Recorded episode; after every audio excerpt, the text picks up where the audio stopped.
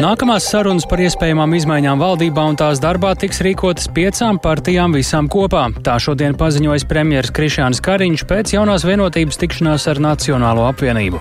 Radījumā pēcpusdienā jau pēc brīža skaidrosim, vai šodienas saruna nesusi lielāku skaidrību.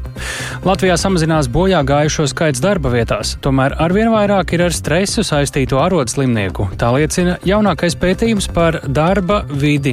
Kādas vēl pozitīvas un negatīvas izmaiņas pēdējos gados novērotas, raidījumā par to stāstīsim plašāk. Šī diena būs ierakstīta Latvijas sporta vēsturē. Teodors Bļūgērs kļuvis par pirmo Latvijas hokeistu, kurš ieguvis profesionālā hokeja prestižāko trofeju Stanley Kausu. Par to visu plašāk tūdaļ ziņu raidījumā pēcpusdiena kopā ar mani Tāli Eipuru.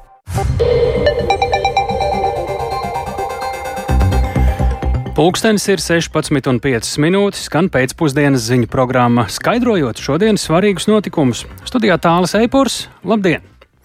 Sarunas par valdības turpmāko darbu tiks turpinātas piecu partiju lokā.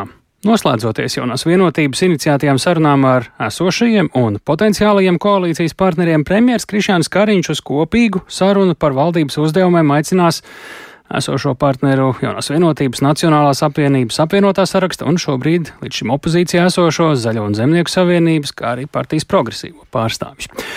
No šīm sarunām tad arī varētu izrietēt iespējamās pārmaiņas valdības sastāvā, arī uzdevumos. Tiesa pārunu termiņus premjeras pašlaik atsakās nosaukt. Jaunākajiem notikumiem līdz sako kolēģis Jānis Kīns, kurš arī pievienojas šeit studijā. Sveiks, Jānis! Šodien šie jaunumi pavēstīja tūlīt pēc jaunās vienotības un nacionālās apvienības tikšanās, eh, kas ir bijusi līdz šim pēdējā daudzo tikšanos virknē, kādas jaunas vēsmas tad šī ir nesusi.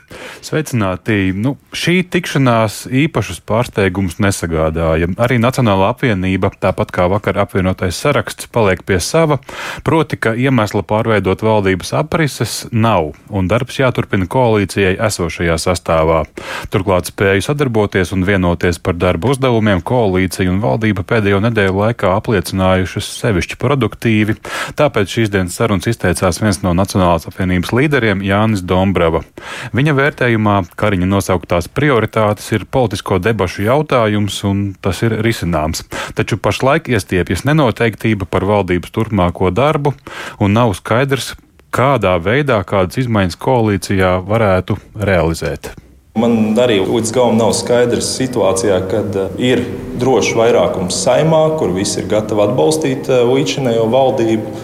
Kā varētu tikt panāktas šīs pārmaiņas, ja pārējie koalīcijas partneri nepiekrīt, ka uzskata, ka nu, ir šobrīd funkcionēt spējīga valdība? Kā tehniski tas varētu notikt? Jo tas tāds dīvains precedents, kad premjerministrs pats transformē savu valdību. Nu, tie ir tādi reti precedenti. Nav nekādas indikācijas, ka varētu būt kaut kāda neusticības balsojuma attiecībā uz valdību kopumā vai pret eh, Kariņa kungu. Mēs tieši pretēji sakam, ka mēs esam gatavi kopīgai sadarbībai. Vajadzētu kaut kā mākslīgi graut un bremzēt. Jo lielāks ir teikt, tirgus pie galda, jo daudz jautājumu daudz lēnāk virzās uz priekšu. Un par to premjerministrs Krišņāns Kariņš no jaunās vienotības ir pretējās domās. Pēc viņa teiktā, nelielā trīs politisko spēku koalīcijā uzdevuma virzība, virzība draud iestikt diskusijās par dažādām sīkām detaļām. Tā solīto izrāvienu neizdošoties realizēt. Valdības vadītājs cer tātad kopīgā sarunā rast vienošanos ar piecām partijām par kopīgi paveicamajiem darbiem valdībā un arī saimā. Un, uh, Valsts drošības jautājumos pretrunu nesot nekādu, taču Kariņš min vairākus piemērus, kuros rast virzību koalīcijā varētu būt ilgst, ieilgstošas problēmas, par kurām viņš ir izteicies šo nedēļu laikā vairāk kārt. Tādi uzdevumi ir gan darba spēka pieaicināšana no ārvalstīm jomās, kur darba roku jau ilgstoši trūkst. Tāds ir kopdzīves regulējums, kur izstrāde saimē jau pirms ilgāka laika uzdevusi satversmes tiesa, tāpat arī lielo valsts kapitāla sabiedrību virzīšana fondu biržā, un tie ir tikai daži piemēri. Es esmu pārliecināts, ka saliekot kopā vairāk galvas, kas arī tai skaitā ir vairāk balsis saimā, mums būtu iespēja šīs lietas reāli atrisināt un atbildēt mūsu vēlētājiem un sabiedrībai kopumā, kāpēc mēs vispār esam valdībā. No šīm sarunām izrietēs tas, vai un kādas pārmaiņas būtu vai nu no valdības sastāvā, vai valdības mērķa sarakstā un tā tālāk. Bet politiskiem spēkiem es esmu runājis individuāli ar katru. Un tagad es vedīšu visus kopā, es aicināšu, es ceru, ka visi atsauksies pie kopīgā galda, lai var sākt runāt viens ar otru, jo tas ir tas sākums, kā mēs atradīsim risinājumus, atverot lielāku dinamismu mūsu valsts attīstībā. Līdz ar to premjerministrs Krišāns Kariņš nav gatavs atsaukties apvienotā saraksta idejai par esošo trīs koalīcijas partneru semināru, lai detalizētāk izrunātu valdības uzdevumus. Jo šīs lietas tad jau šie politiskie partneri viens par otru, kā teikt, ir gana labi izzinājuši jau līdzinējā pusgadu vai nedaudz vairāk ilgušajā valdības darbā. Tātad šajās sarunās, kas gaidāmas drīzumā, viņš sagaida arī Zaļo un Zemnieku savienības, kā arī progresīvo līdzdalību. Nu, tādas politiskas apspriešanās par apspriešanos, un tad vēl apspriešanās. Nu, nevar tas ilgt mūžīgi.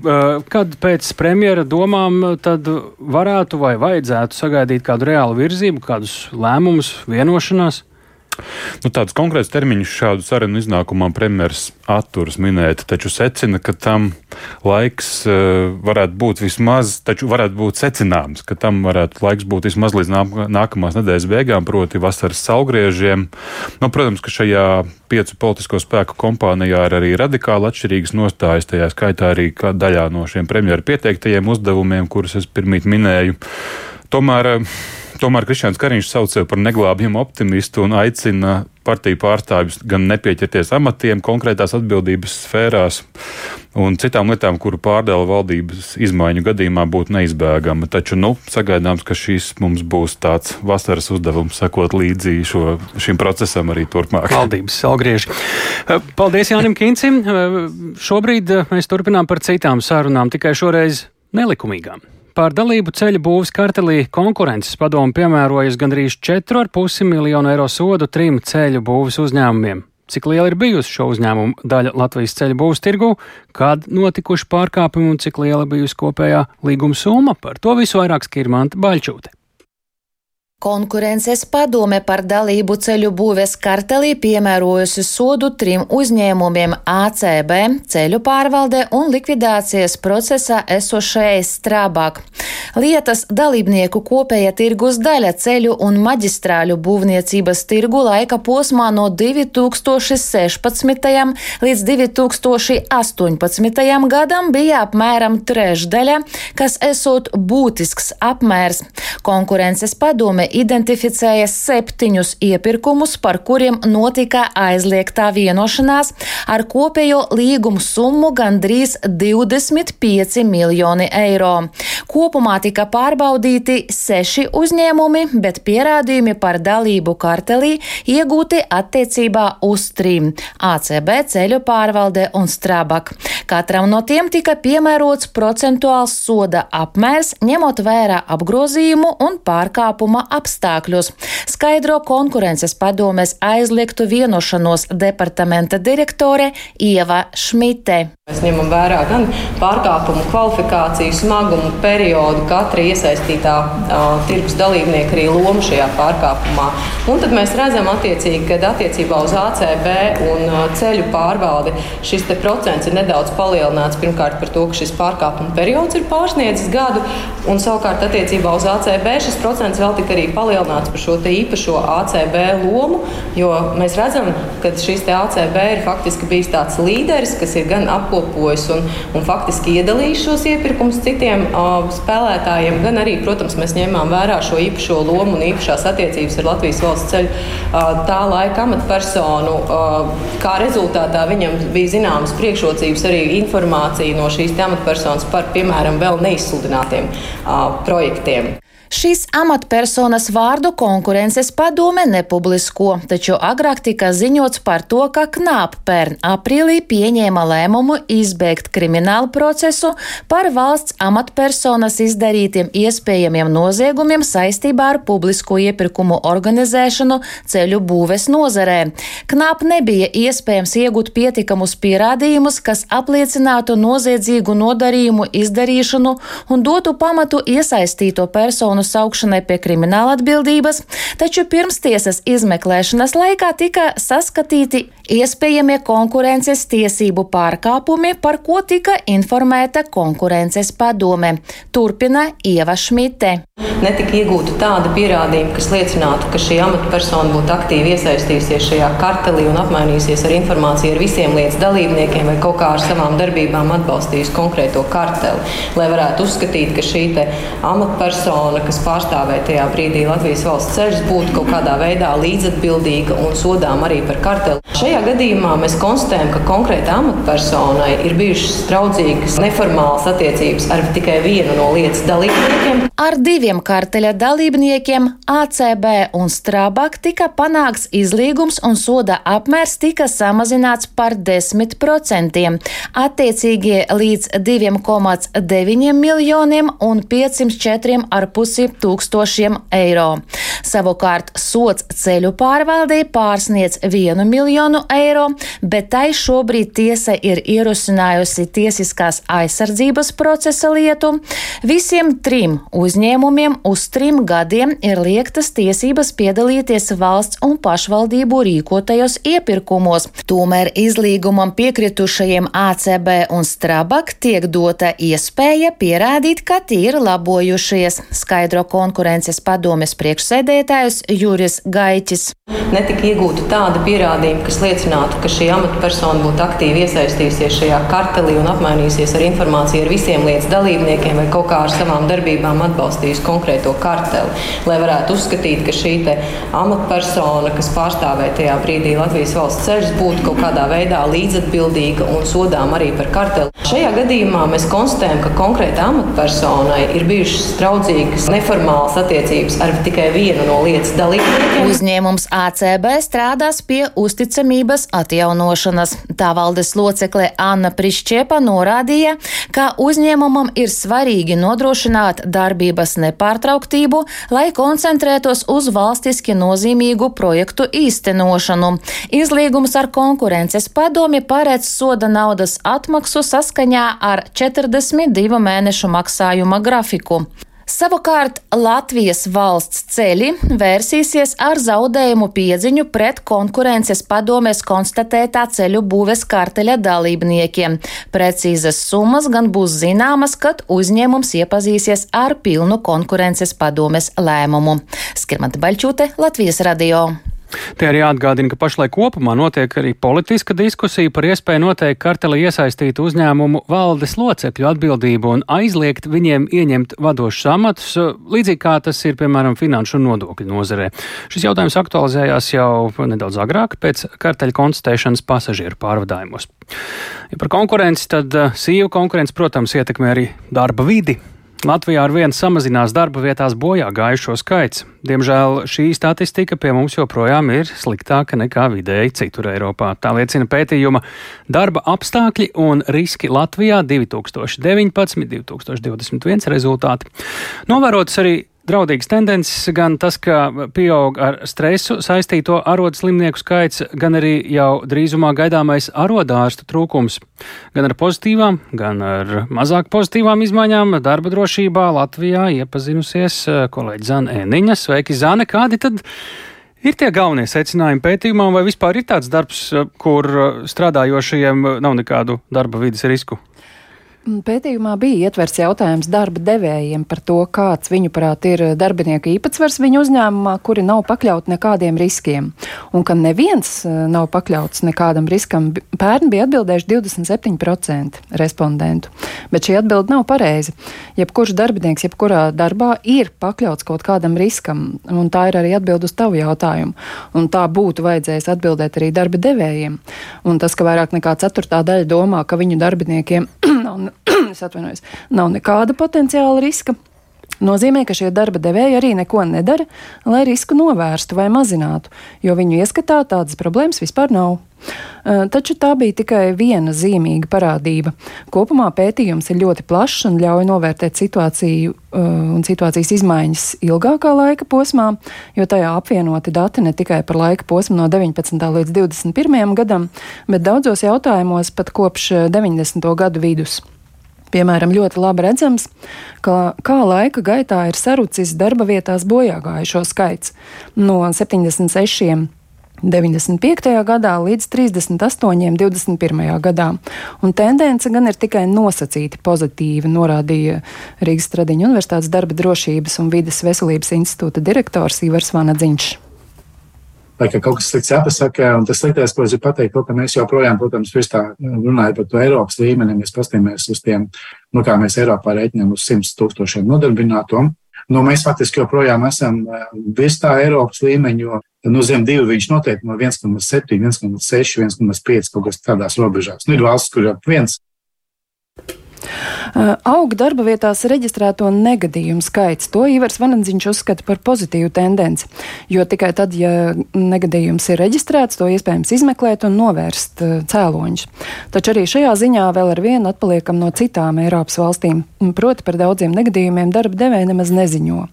Vēl augšupējoša līkne ir arodslimnieku skaitam, taču ar piebildi, ka drīzumā varētu trūkt speciālistu, kuri spēj arodslimības diagnosticēt. Tāpat kā veselības aprūpas sistēmā kopumā, arī šajā nozarē draud arodārstu deficīts, jo esošie noveco, bet pietiekami daudz jaunu vietā nerodas.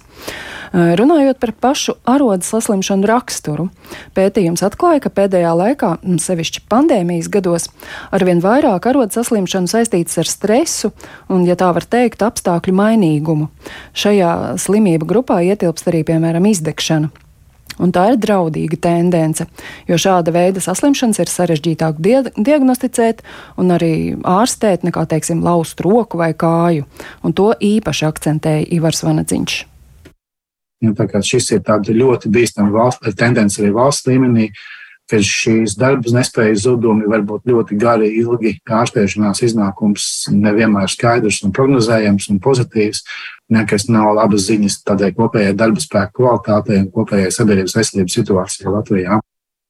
Jā, Ivars Venedziņš uzsver, ka šis ir viens no svarīgākajiem pētījuma mm. secinājumiem. Kuras ir tās jomas, kur mums ar darba aizsardzību šobrīd ir vissliktāk?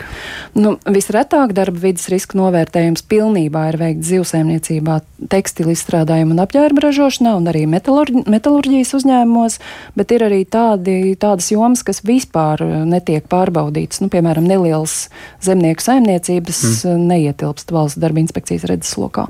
Un tad tur notiek tas, kas tur notiek. Paldies Zanai Eniņai! Dodamies tālāk. Zaļa un patīkama vide. Rīgā par vairāk nekā 7 miljoniem eiro līdz šā gada rudenim plāno labi iekārtot ar šādu mērķi uzvaras parku, kur pērn nojauca par padomju okupāciju liecinošo pieminekli. Labiekārtošanas projekts izmaksās par vismaz pusotru miljonu eiro vairāk nekā sākotnēji plānots. Lai mērķi īstenotu, pašvaldība grasās no valsts aizņemties 6 miljonus eiro. To šodien lemts domas sēdē. Vairāk Viktora Damīdova ierakstā. Smilšu kaudzi un sakrautas betona konstrukcijas.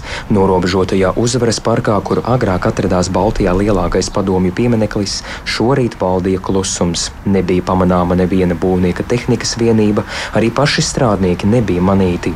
Parkā uzrunātie cilvēki rosību jau sen nesot redzējuši. Tagad pēdējās nedēļas ir uh, klusums, vispār nekas nav manīts. Pirms tam tur bija tāda liela kaudze, liekas, ka tā ir aizvērta ciet. Kaut kas ir aizrakts, bet uh, pēdējās nedēļas nē, pirms tam bija uh, diezgan daudz.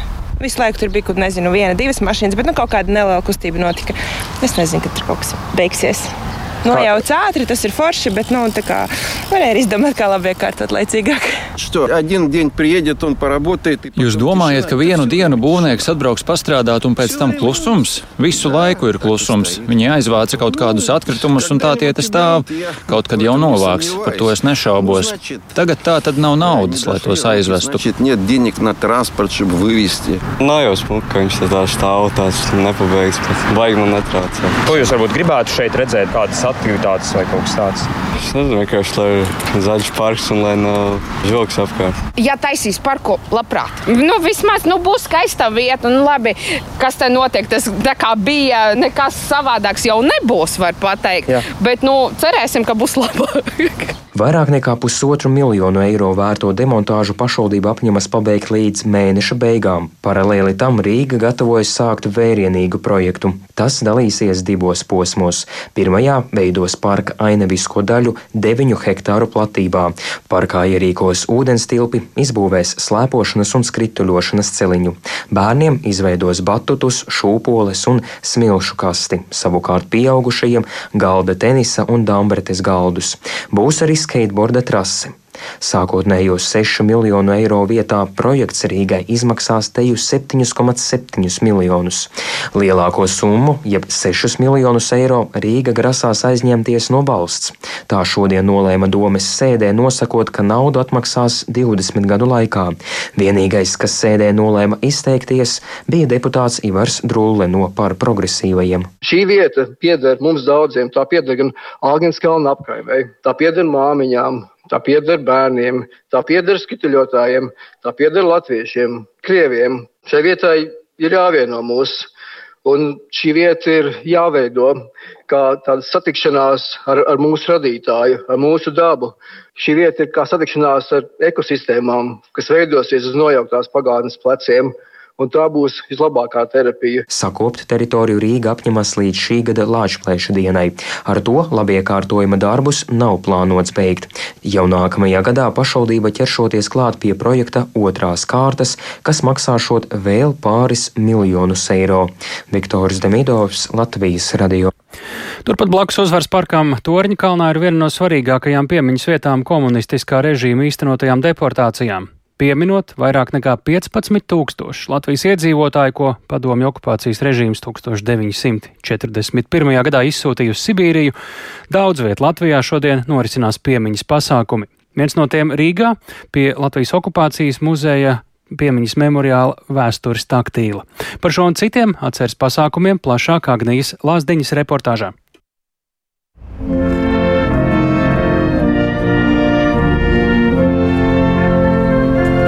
Valsts augstākās amatpersonas, Latvijas politiski represēto apvienību un arī citi cilvēki šodien devās novietot ziedus pie memoriāla vēstures taktīla, tā simboliski godinot un atceroties komunistiskā genocīda upurus. Pēc uzrunām, klusuma brīža un ziedu nolikšanas pie memoriāla cilvēki devās Latvijas politiski represēto apvienības rīkotā ikgadējā gājienā no Latvijas okupācijas muzeja uz brīvības pieminekli, kā uzsver gājiena dalībnieki, šodienu nedrīkst aizmirst. Man tēva brāli aizved šī naktī. Viņš arī nomira badā Sibīrijā. Mans tēvs arī bija tajā sarakstā, bet viņš kaut kā varēja izvairīties. Tā kā šī diena ir ļoti nozīmīga manā ģimenē. Tā ir tāda sāpīga, un es domāju, ka ļoti svarīgi atcerēties vienmēr. Mēs visi esam Sibīrijas bērni šobrīd, jo tie cilvēki, kas tika pieauguši izsūtīti, tie vai nu tagad ir mājās un nevar atnākt, vai vienkārši viņu nav. Un man ir tāds svēts pienākums. Es domāju, ka tas ir svarīgi visai tautai. Mums tomēr ir jāatcerās mūsu pagātne, tas vienkāršais teiciens, lai mēs saprastu, uz kuriem mēs īsti ejam, lai mēs novērtētu tās traģēdijas, tās grūtības, lai arī šodien būtu spēks par to cīnīties. Mēs redzam, Ukraiņu var paralēli ar Ukrāņiem savilkt. Mēs tomēr ļoti maz cīnījāmies pret šo teroru, traģiskiem mirkļiem, kuriem mums mācīja, ka ir jācīnās. Tas var būt tāds secinājums, ka paņemsim šo traģisko atmiņu un nepieļausim turpmāk, un nevis klusējot, varbūt, bet gan cīnoties. Es domāju, ka vispār Latvijā nav neviena ģimene, kur nav skarta ar deportācijām. Un es domāju, ka tas ir ļoti nozīmīgs datums vispār mūsu vēsturē un katram latvietim. To nedrīkst aizmirst. Un līdz ar to, jo mēs vairāk būsim redzami, jo vairāk jaunatni arī sapratīs, kāpēc mēs esam te. Arī Rīgas dzelzceļa stacijās Šķirotava un Torņa kalns šodien norisinājās piemiņas brīži, kuros ar saviem atmiņu stāstiem dalījās politiski represēto biedrību biedri. Tāpat Rīgas svētā Jāņa baznīcā Rīgas domā un mazajā ģildē skanēs piemiņas koncerti. Kā norāda Latvijas politiski represēto apvienības priekšsēdētāja vietnieks Pēteris Simpsons, lai šo dienu neaizmirstu, svarīgi ir izglītoties. Bieži vien to, kas viegli nāk, to augstu nevērtē, un nevajadzētu aizmirst, cik daudz sviedru un asiņu ir lējušas iepriekšējās paudzes, lai tagadējā paudze varētu dzīvot civilizētā sabiedrībā, demokrātiskā iekārtā. Piemiņas brīži komunistiskā genocīda upuru piemiņai norisinās arī citur Latvijā. Piemēram, Jēkabpilī Krustpils Vissvētās Trīsvienības Romas katoļu baznīcā šodien rīkot īpaša svētā mise. Arī Daugopilī Andrija Pumpura skvērā pie piemiņas akmens bija veltīts piemiņas brīdis. Tāpat pasākumi notiek arī citviet. Agnija Lazdiņa, Latvijas radio. Bet tieši šobrīd Strasbūrā notiek piemiņas pasākums, kas veltīts padomju masu deportācijas upuriem un cietušajiem, un pirmo reizi to rīko nevis atsevišķu deputātu grupa, bet nu jau oficiāli pats Eiropas parlaments. Tas nozīmē, ka turpmāk tas būs oficiāls ikgadējs piemiņas pasākums. Pasākuma plānā ir ziedu nolikšana pie deportāciju upuriem veltīts piemiņas plāksnes, un Eiropas parlamenta priekšsēdētājs Roberts Metsols, kā arī Latvijas politiski represēto apvienības vadītāja Ivar Kaļķa un citas uzrunas, svarīga sastāvdaļa daļa arī iespēja ikvienam klātesošajam pēc kārtas piedalīties padomju masu deportēto uzvārdu skaļā lasīšanā. To darīs arī Latvijas eiroparlamentārieši Dats Melbārdi, Ines Vaidere, Roberts Zīle, Ivars Ījaps un arī Sandra Kalniete. Tā kā šis pasākums vēl notiek, esam sazinājušies ar eiroparlamentārieti Sandru Kalnieti. Labdien! Jā, labdien! Kas ir tie, kas ir sanākuši uz šo pasākumu pat labam tieši Strasbūrā? Pārsvarā tie ir represijas kārto Austrum Eiropas valstu pārstāvju vai ir arī pietiekami nopietni interesi arī no pārējās Eiropas politiķiem pārstāvjiem? Mēs arī dzirdējām Eiropas parlamenta priekšsērētāji ir klāta. Jā, nu tas ir ļoti svarīgi, ka šis ir tagad uh, pirmo reizi oficiāls Eiropas parlamenta pasākums, un to atklāja Roberta Metzola, uh, arī noliekot uh, ziedus pie piemiņas plāksnes. Un šeit ir deputāti gan no Austrum Eiropas, Baltijas valstīm, gan arī uh, no Rietuma Eiropas valstīm. Un tas man šķiet arī ir tāds ļoti uh, zīmīgs. Uh, uh, skaitlis vai, vai līdzdalība, tāpēc ka visus šos gadus mēs nenogurstoši esam skaidrojuši komunisma noziegumu būtību. Man ir jāsaka, ka mm, tajā posmā, iepriekšējā mandāta laikā, tātad no 14. līdz 19. gadam, uh, kā, šie jautājumi bija pilnīgi atvirzījušies um, otrā plānā, gan, kaut neskatoties uz to, ka bija anektēta Krīma uh, un, un mūsu balsi gandrīz tā kā nedzirdēja. Taču tagad, līdz ar uh, baisajiem notikumiem Ukrajinā, kad atkal ir atsākušās cilvēku deportācijas, uh, es domāju, ka beidzot mūsu kolēģi ir tā ne tikai vārdos, bet līdz dziļumiem sākuši saprast, ko nozīmē uh, totalitāra diktatūra, kur faktiski Krievijā visas paļņismu normas ir atjaunojušās, izņemot nāves sodu.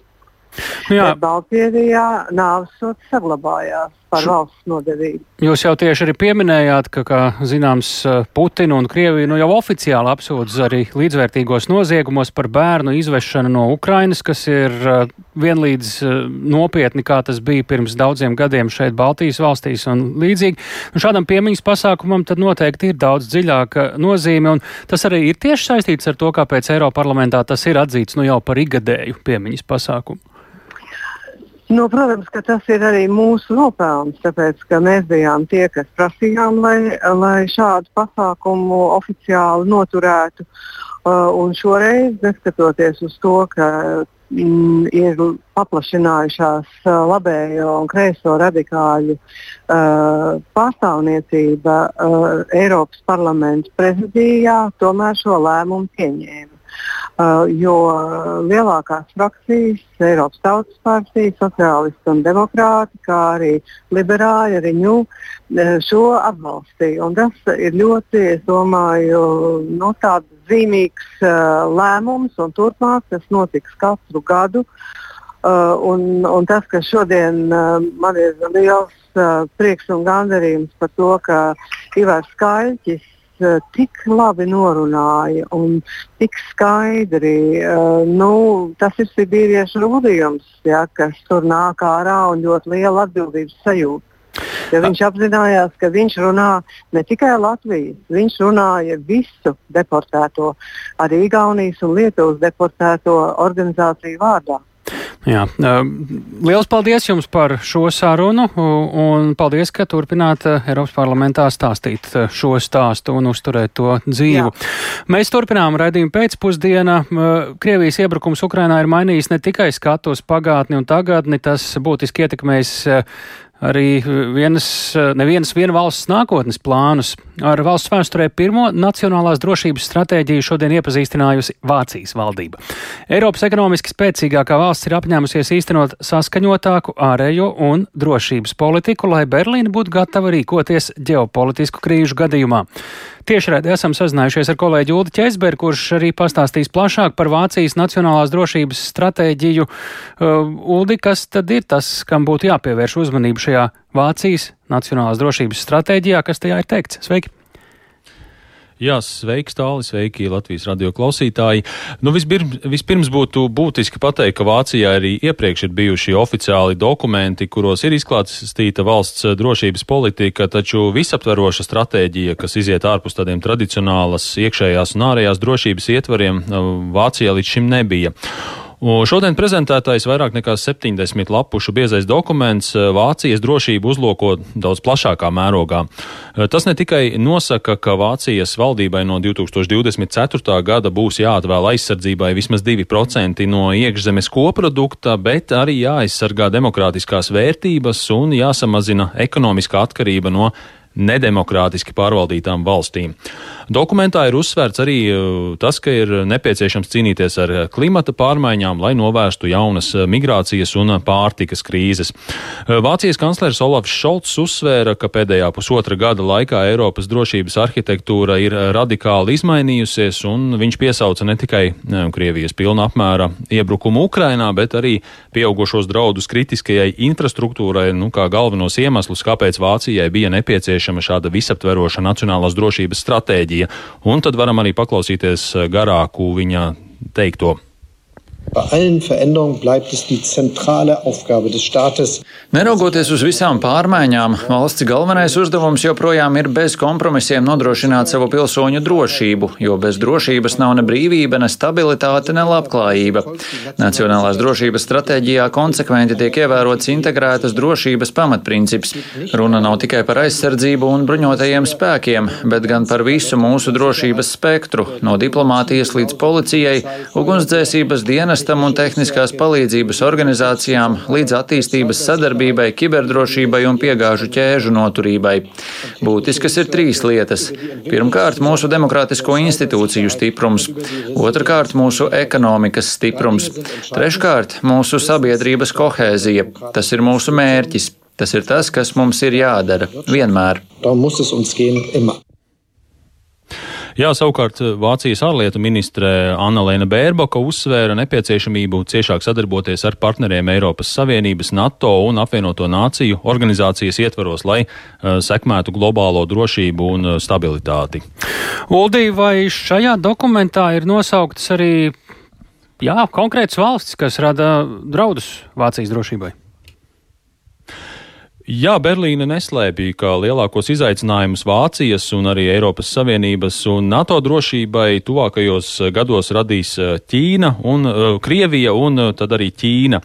Dokumentā ir uzsvērts, ka Krievija pašlaik ir nozīmīgākais drauds mieram un drošībai Eiroatlantiskajā telpā un ka Krievija aktīvi cenšas destabilizēt demokrātiju Eiropā un vājināt Eiropas Savienību un NATO. Uh, savukārt Ķīna tiek raksturota kā partnere, konkurente un sistemātiska sancence vienlaikus, un te ir arī teikts, uh, ka Ķīna nereizi vien ir rīkojusies pret Vācijas interesēm, mēģinot pārveidot esošo noteikumos balstīto starptautisko kārtību. Taču vienlaikus dokumentā ir secināts, ka bez sadarbības ar Ķīnu nebūs iespējams risināt daudzus globālus izaicinājumus, jo vienkārši Ķīna ir liela, ekonomiski nozīmīga valsts, un tātad ar to ir arī jāsadzīvo un jāsadarbojas. Paldies, sakām Ulim Ķeizberim. Tātad ar valsts vēsturē pirmo nacionālās drošības stratēģiju šodien iepazīstinājusi Vācijas valdība. Šā gada 14. jūnijas Šīs dienas rīts pēc Latvijas laika uz visiem laikiem paliks Latvijas hokeja vēsturē, jo tieši šajā rītā Teodors Bļūgers kļuva par otro Latvijas hokeistu, kurš virs savas galvas ir cēlis Stenlī kausu prestižāko profesionālā hokeja trofeju. Iepriekš, pirms 27 gadiem, to pirmo reizi paveicis Sants Ozoliņš. Un tieši Bluegers ir nākamais, un lai runātu par Bluegera Lasvegasas uh, Golden Knights komandas triumfu Stanley Kausa finālā, studijā ir sportziņu kolēģis uh, Māris Bergs. Uh, sveiks, Mārī! Saki! Sveiks, tāli, sveicināt klausītāji! Jā, kā tad tur ir oficiāli? Teodors ir Nacionālās hokeja līgas čempions, taču līdz ar pēdējās spēles fināls Filpi, tas galvenais jautājums Latvijā bija, vai viņa vārds un uzvārds vispār tiks līdzīgi kā tas ir tradicionāli vienmēr citos gados un visām komandām iegravēts uz leģendārās trofejas, jo tur tie noteikumi, kurš kvalificējas, kurš nē, ir tādi elastīgi tulkojami līdz šim, un uh, izstāsti, kā tad šodien mums ir gājis ar patiesības noskaidrošanu. Jā, nu tā īsa atbilde uz tavu jautājumu būtu, ka jā, Bļug, Teodora Bļugera vārds būs iegravēts uz Stenlija kausa, un tā izteicās hokeja tēls Valentīns Bļugers, kuru sazvanīju īsi pirms uh, ētera. Diemžēl nepaspēju samontēt šo skaņu, lai mēs to varētu atskaņot jau tieši tagad. Tik īsi pirms ētera. Labi. Jā, bet Valentīna teikto varēsiet dzirdēt ziņās sešos vakarā. Kad tu tālu pareizi teici, teica, pēc noteikumiem Teodors nekvalificējas, um, lai viņa vārds tiktu iegravēts uz Stanley kausa, jo viņš nenospēlēja vismaz 41 spēli regulārajā sezonā, un viņam nebija arī viena spēle fina uh, fināla sērijā. Taču NHL komandas drīkst iesniegt 52 cilvēku sarakstu, uh, kuru vārdus tad ir var un vajag iegravēt uz kausa. Tur, protams, arī notiek izvērtēšana un ir dažādi kritēriji, taču pamatnoteikums ir viens. Šiem cilvēkiem tiešā veidā jābūt saistītiem ar komandu, kas uzvarēja. Nevar būt tādas situācijas, gadījis, ka komandas īpašnieks izdomā un lūdz iegravēt kā Sponsor. cilvēku vārdu, kurš ir nesaistīts ar komandu. Vai tas būtu sponsors, ģimenes loceklis vai kaut kas tāds. Starp citu, šāds gadījums ir bijis. Tas no pieredzes ir. Mm -hmm, nu, Tedijs eh, vai Tedors Bļugers eh, vienus vārdus fināla sērijā, eh, nē, šajā izslēgšanas spēļu laikā guva. Viņam ir sešas spēles izslēgšanas jā, spēļu gaitā. Nu, finālā gan viņš nebija laukumā, bet jā, nav tā, ka viņš tur nav stāvējis tūmā. Ļoti tiešā tūmā, ļoti tiešā rezervē. Kāda šobrīd izskatās, ja reiz vēl par par pašu Teodoru Bļūgeru viņa nākotni šajā komandā, jo mēs zinām, ka viņam beidzas līgums, un uh, viņš tur arī nu, nav tā, ka ļoti daudz ticis pie spēlēšanas un bijis iesakņojies pamatsastāvā. Nu, to vai viņš paliks Vegasā vai nepaliks, to nekādi mēs šobrīd nevaram atbildēt. Pirmkārt, tur šobrīd notiek lielas svinības, tā būtu viena lieta. Par to vēlāk. Nākamais, uh, daudz kas būs atkarīgs no pašas komandas vīzijas par nākamā gada sastāvu, kuru viņi grib paturēt, kuru viņi var paturēt, kuru nevar, kurš iedaras komandā, kurš mm. nē, ko viņi gribētu mainīt sastāvā. Beig beigās vēl jau būs paša Bluegera algas prasības un kā tas vēl saskanēs ar kopējo bildi. Līdz ar to ir ļoti daudz dažādu mainīgo, kas var ietekmēt šo situāciju, vai viņš paliek, vai viņš nepaliek. Sagaidīsim. Kad varētu būt zināms šīs lietas? Tas varētu ļoti ātri atrisināties šī mēneša turpinājumā, oh, oh. jo jūlijā jau sākas brīvo aģentu tirgus. Ja Vegas izvēlas ar viņu nepakarināt līgumu, vai arī abas puses nespēja, tieši tā, vai arī viņi nespēja Labi. vienoties par kopsaucēju, tad Teodors var doties, kur viņš vēlas. Vēl par pašu sēriju. Nu, Golden Knights uh, uzvarēja sērijā 4-1, pietiekami pārliecinoši, vai šāds iznākums ir pārsteidzošs vai likumsakrīgs, jo pēdējā spēlē arī tāds diezgan jau liels tas rezultāts bija Nu, pat par sevi Vegas uzvara nav nekāds milzīgais pārsteigums. Abu komandu izredzes tika vērtāts līdzīgi vai nedaudz labākas tās tika dotas Golden Knights komandai. Tas, kas varbūt ir nedaudz pārsteidzoši, ka uzvara atnāca tik ātri un pārliecinoši. Tomēr Florida izslēdza vairākas labākās austrumu komandas uh, izslēgšanas spēļu gaitā, bet uh, pēdējai sērijai spēka nepietika, un pie tā var arī vainot traumas un uh, citas lietas, kas Floridas komandai traucēja vairāk nekā Golden Knights. Bet tagad varētu, varētu paklausīties cilvēku, kurš šorīt kā pirmais pacēla Stanlija kausu, proti Vegasas Golden Knights kapteini Marku Stonu. Tā ir traka sajūta, tā tiešām ir. Labākā sajūta manā hokeja karjerā. Kāzas bērnu dzimšanā šīs ir diezgan līdzvērtīgi. Mums bija mēs esam pret pasauli mentalitāte, un tagad esam te kā labākā komanda pasaulē. Ir tik daudzi, kas man un pārējiem palīdzēja te nonākt. Pirmkārt, mamma un tētis, kas ieguldīja resursus, lai mani un brāli laistu hokeja. Viņi pavadīja dienas augstās ledus hallēs Vinipegā, esot tur jau septiņus septiņos no rīta. Atskatoties, tas ir neticami, neaizmirstamas atmiņas un nekad neaizmirsti cilvēkus, kas palīdzēja šeit nonākt. Jā, tālāk Vegasas Golden Knights kapteinis Marks Stones, kuram arī tas ir pirmais Stanley Kausa karjerā. Nu, ko tu jau arī pieminēji, šodien droši vien paši Tediju un daudz spēlētājs nav nemaz tik viegli noķert rokā. Tur ir pirmkārt cita laika zona, otrkārt nu, hokeja noteikumi pēc Stanley Kausa paredz balīt, vai ne? Pilnīgi noteikti. Jau, jau ģērbtuvēs lija šampanietis ļoti daudz, tur šampaniešu plūdi, kā jau parasti ir pēc uzvarām, un svinības sākās jau uz ledus ar hokeistu ģimenēm, un, protams, nakts gaitā pēc vietējā laika tās tur turpinājās vietējos bāros, naktsklubos. Vegas ir fantastiski pateicīgs pilsēta, kur to visu darīt. Tur izklaides vieta netrūks, kā mēs visi ļoti mājas labi zinām. Bija šī pēdējā. Jā, tā ah, vēl bija mājas spēle, līdz ar to nekur nav jālido uzreiz pat taisnos klubu ar visu kausu un spēlētāji svin no sirds. Tā, par to jau ir ziņas. Ja? Nu, tur video jau sociālās saziņas vietnēs klējo, jā, tur Džeks Aikls un pārējie jau, jau ir klubos un svinības iet pilnā sparā. Nu, re, bet Latvijas hokeja vēsturē šis notikums ieiet ar Teodoru Bļūgeru uz ledus ar paceltu Stanley kausu virs savas galvas. Paldies Mārim Bergam! Un paldies arī, ka klausījāties raidījumu pēcpusdienā. To veidojām mēs Tāls Eipurs, Ilza Agīnta, Ulds Grīmbergs, Katrīna Bramberga. Jūs arī varat piedalīties šajā raidījumā, kā klausītāji, arī ar nokavēšanos. Ņemiet Latvijas radio mobilo lietotni jau pēc neilga laiciņa. Tur raidījums būs pieejams gan jūsu ausīm, gan varat padalīties arī ar kādu citu. Raidījums pēcpusdienā ir rīt. Visu labu!